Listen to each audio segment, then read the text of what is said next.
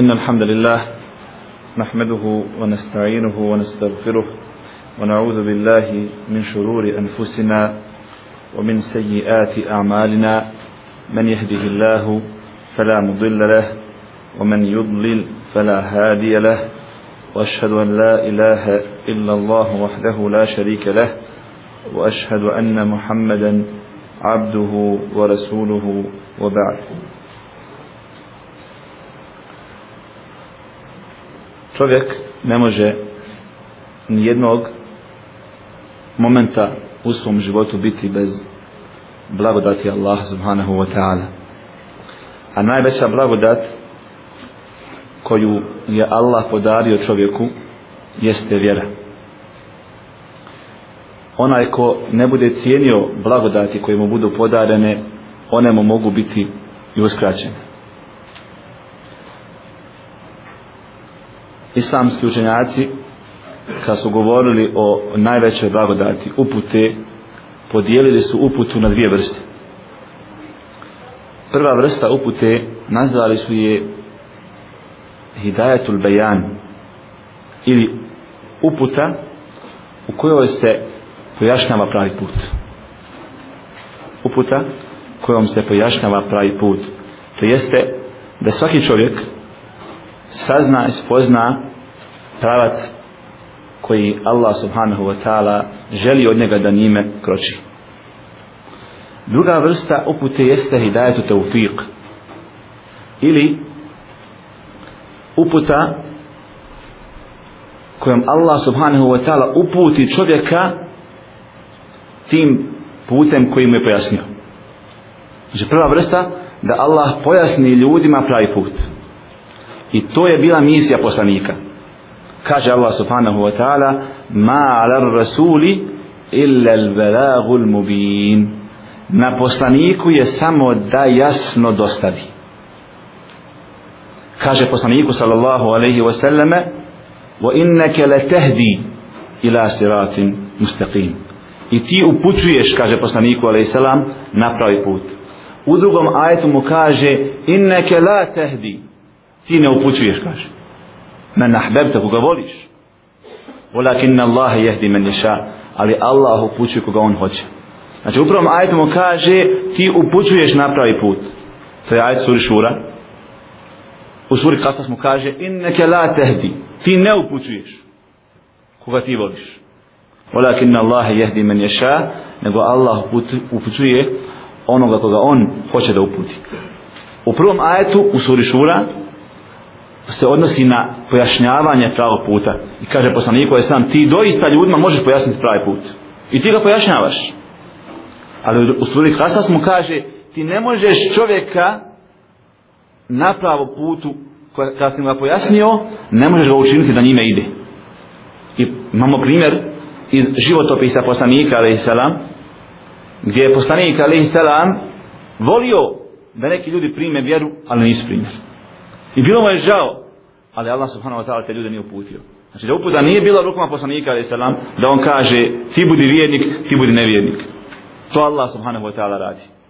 A poslanik alaih salam je bio samo e, dostavljač od Allaha subhanahu e, wa ta'ala. Žalosno je da ljudi kada spoznaju uputu ostave. Allah subhanahu wa ta'ala nam u Kur'ani Kerimu navodi mnoge događaje o prijašnjim narodima. Jedan od naroda zvao se Semud, poznato pleme Semud, kaže Allah o njima وَأَمَّا ثَمُودُ فَهَدَيْنَاهُمْ فَاسْتَحَبُّ الْعَمَا عَلَى الْهُدَى kaže Allah a Semud mi smo ih putili kaže Allah kojom vrstom upute prvom ili drugom? Prva vrsta pojašnjavanje puta a druga vrsta da ljudi idu tim putem. Kaže Allah a Semud mi smo ih uputili. Prvom vrstom. Pojasnili im pravi put. Poslali im poslanika koji im je pojasnio pravi put. Kaže Allah festahabbu ali su oni više voljeli el ama slepost ili u ovom slučaju znači zabludu, ali al huda od uputi. Kaže Allah, korite ljude, kaže ja sam im poslao poslanike i pojasnio im pravi put.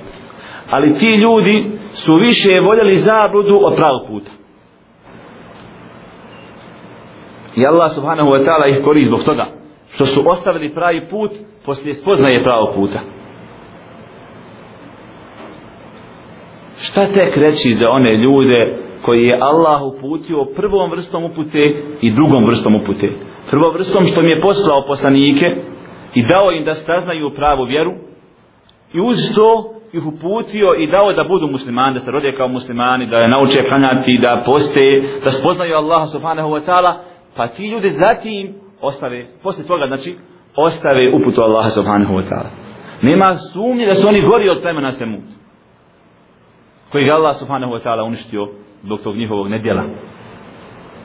To znači ukazuje nam i govori nam koliko je to veliki grije da čovjek spozna pravi put a zatim ga ostavi.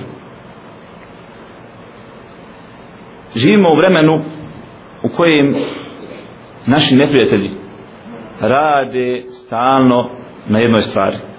Da ukaljaju pravi put. Da ga unakaze. Da uplaše ljude od njega na razno razne načine. Čujemo kako govore da su ljudi koji se pridržavaju vjere za ostali. Da vjera ne može biti ne može ići u korak sa civilizacijom. Optužuju vjernike. Nazivaju ih raznoraznim imenima. Optužuju vjeru negiraju Allah subhanahu wa ta'ala. Sve to s jednim ciljem. Da ljude udalji od pravog puta. Vjernik treba da bude razuman. Treba da bude razuman. I da zna razlučiti istinu od neistine.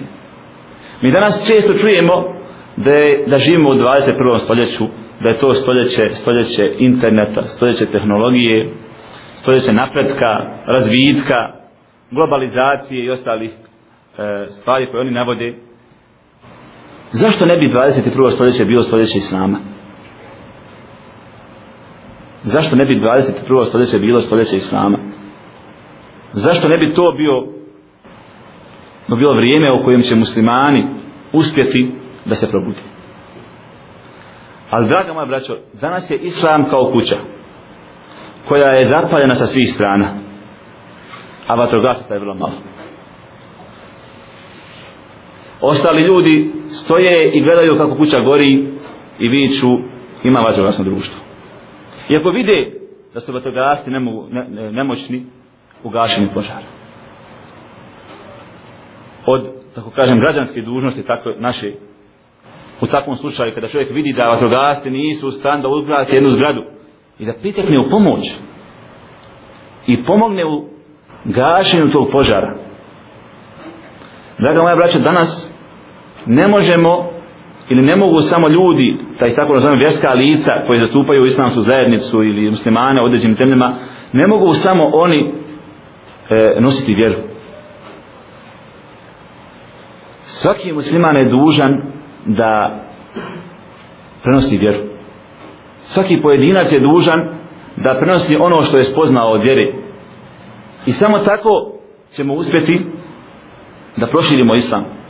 Inače, svojim neradom da ćemo svojim neprijateljima još više povoda da nas još vaše unište i da ne pužamo nima nikakav, nikakav otpor. Allah subhanahu wa ta'ala je u mogućnosti da promijeni stanje ljudi. Allah je sve moguće. Ali Allah postavi određene zakone koje ne mijenja bez razloga. Čak i poslaniku, ali i salam, smo prošli puta govorili, Allah subhanahu wa ta'ala nije htio da da da lagano osnuje državu. Nego mu je dao da se umeki namuči i pretrpi razno razne uvrede i bude udaran i proteran iz svoje zemlje. Njegovi ashabi bivaju mučeni. Sve to poslanik ali se nam je podnio i Allah ga je subhanahu wa ta'ala tako iskušao. Da bi na kraju tek poslije sabora poslanika ali salam Allah mu dao da pobjedi. Allah je mogao usta, u početku da sve mekelije uništi. Mogao je da je sve učini vjernicima. Kaže Allah u Koranu Ulau ša Allahu la džale nase ummeten wahide kaže Allah da Allah želi sebi ljude učinio iste vjeri to nije van, van moći Allah subhanahu wa ta'ala. Kao što učine meleke da su svi pokorni njemu mogu učiniti ljudi takvim istim da svi budu muslimani. Ali kaže Allah walakin lijebeluve ba'dakum bi ba'di ali Allah želi da iskuša vas jedne drugima. Vjernike sa nevjernicima i obrnuto. Zato Allah subhanahu wa ta'ala ne mijenja stanja ljudi. Nego ljudi moraju da se promijenu sami. i kada Allah vidi od njih to Allah im pomogne kada je poslanik alaih salam bio u jednoj bitci kaže mu Allah subhanahu wa ta'ala u Kur'an i Kerimu zalike ولو يشاء الله لن تصر منهم kaže mu Allah da Allah želi Allah bi njih sam pobjedio bez potrebe da šalje poslanika ali salam da šalje vjernika koji će ratovati nego samo da jednim glasom ili pošle im jednog meleka koji će ih uništiti. Ali Allah subhanahu wa ta'ala želi da iskuša vjernike. Kaže Allah walakin li jeblu wa ba'dakum bi ali Allah želi da iskuša vas i ne drugima. Mi moramo planirati moramo raditi na poboljšanju svoje privatne situacije svoje porodice okolnih ljudi oko sebe i tako dalje. Čovjek se ne, se ne smije zadovoljiti samo svojim stanjem. Mora iz dana u dan napredovati. Mora iz dana u dan napredovati. Abdullah ibn Mesud kaže kada kod prođe dan a u njemu ne naučim ništa novo ostane jako tužan. Jer sam taj dan izgubio. Čovjek uvijek mora svaki dan da žudi ka, ka boljem. Šta možemo mi očekivati u 21. stoljeću? Šta možemo željeti. A šta su realnosti koje nas očekuju? Sigurno je i činjenica da većina ljudi danas muslimana stoje pod šljivom i mole Allaha da spadnu jabuke sa ste šljive. Ko želi da ubere jabuke mora da ih posije. I ne može samo čovjek doći pod nekakvo drvo i moliti Allaha da mu spusti voću koja njemu na um padne.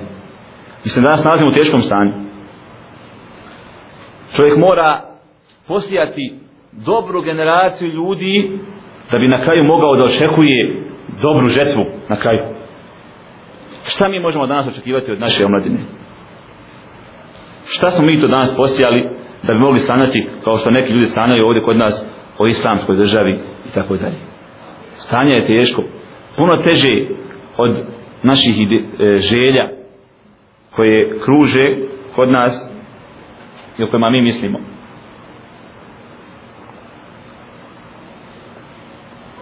Zato vrlo bitno je kažem da čovjek spozna vrijednost upute koju ima kod sebe i da ne škrtari sa njom.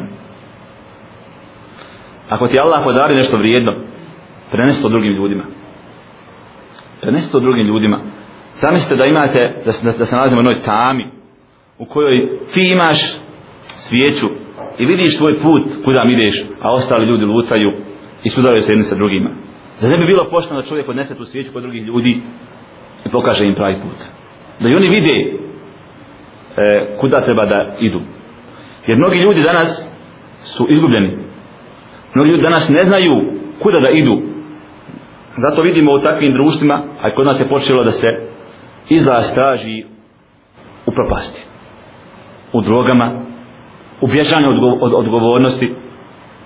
Iako Allah subhanahu wa ta'ala podario čovjeku razum kojim treba da razlikuje dobro od zla. Danas čovjek ta razum ne koristi. Kada je Allah u Kur'anu prije 1600 godina rekao o ljudima, o nevjernicima in hum illa kel an'am oni su kao stoka bel hum edallu sebila oni su i gori od stoke kaže Allah Ljudi su teško mogli zamisliti kako insan može biti gori od stoke. Ali danas ima ljudi koji su jasno gori od stoke. Jednostavan primjer. Mi smo ljudi koji seljaci. Živimo, živeli smo od poljoprivrede do skorih e, vremena, do prije nekih 50 godina i u gradoma se sijalo i većina ljudi je živjela od poljoprivrede. I znamo, rade smo sa stokom i čuli oko stoke i znamo već kako to ide. Je li ko ikada u istoriji zabilježio da je bik na bika skočio? Nema je razuma, ni jedan ni drugi. Ali ja nisam čuo ni u jednoj zemlji da je bik na bika skočio. Ali ljudski bikovi na ljudske bikovi skaču. I to je stvarno dokaz da je čovjek postao gori od stoki. A oni koji ne skaču, podržavaju one koji skaču. I oni su još gori od onih prvi koji to radi. Jer žele da se proširi fesad i nered na zemlji. Kaže Allah u Kur'anu, إن الذين يحبون أن تشيع الفاحشة في الذين آمنوا لهم عذاب أليم في الدنيا والآخرة Oni koji žele da se proširi fesad među vjernicima, njih čeka bolna kazna na donjalku i na ahiretu. Čak šta više, ima ljudi koji u džamiju ide i kaže, pa treba njima dati njihova prava. Draga moja braćo, prava daje Allah, ne mi. Niko ne može ohalaliti što je Allah zabranio. Niko ne može ohalaliti ono što je Allah zabranio. Znači nema pravo da jedan parlament bilo koje države sjedne i zasjeda i kaže hoćemo ohalaliti zinaluk ili nećemo. To je haram do sudnjeg dana. I tamo se ne može raspravljati. Mi možemo uređivati državu i sistem školovanja, puteve i ostale stvari. Ali ne možemo ohalaliti ono što Allah zabranio. Ne možemo, ne možemo negirati šerijat. Tako da vjernik danas živi u vremenu iskušenja, te čak kažem i vjernici, nažalost, podržavaju e, stvari e, slične tima, slične tim. Kažem, Allah subhanahu wa ta'ala u Kurani Kerimu kaže o ljudima da nekada znaju znaju prijeći granicu granicu stoke. Iako im je Allah podario razum i odlikovao ih tim razumom nad ostalim stvorenjima e, na ovom svijetu. Samo je bitno da čovjek iskoristi svoj razum. Da razmišlja sa njim. Naša vjera je prirodna. Naša vjera je prirodna. Kaže Allah, fitrat Allahi illati fatara nase alejha. Kaže Allah, fitrat ili prirodna vjera koju je, na kojoj je Allah ljude stvorio. U našoj vjeri nema stvari koje su kontradiktorne razumu. Ni u kojem slučaju samo insan treba da taj razum iskoristi na pravi način i da ne dozvoli da ga porobe E, ljudi koji danas e, vladaju svijetom. Iskoristi ono što ti Allah subhanahu wa ta'ala podario od blagodati. Budi zahvalan Allah što si vjernik, vjernik što si spoznao vjeru koja je danas najveća zaštita i preventiva od mnogih iskušenja na Dunjaluku. Vi vidite danas koliko se ljudi opijaju koliko ljudi danas uništavaju sami sebe a čovjek vjernik je od svega toga e, spašen ja sam skoro bio u svom selu i primijetio sam jednu veliku razliku između e, svog sela i ovdje gdje živim sada u Zenici ovdje u Zenici kada ustanete ujutro pa idete ovako čašijom, vidite kako ljudi piju kafu ujutro. U mom selu kada idete ujutro oko 7 sati vidite kako ljudi piju pive. I niko ne pije kafu. Iako je selo skroz muslimansko. Nema u njemu nevjernika, ne žive. A to samo govori koliko su muslimani daleko od islama. Zato jesmo u ovom stanju u kojem se nalazimo. Molim Allah subhanahu wa ta'ala da nas učini od onih koji zahvaljuju na blagodatima kojima se podare a Allahova blagodati se ne mogu nabrojati kada bi čovjek istio nabrojati Assalamu alaikum wa rahmatullahi wa barakatuh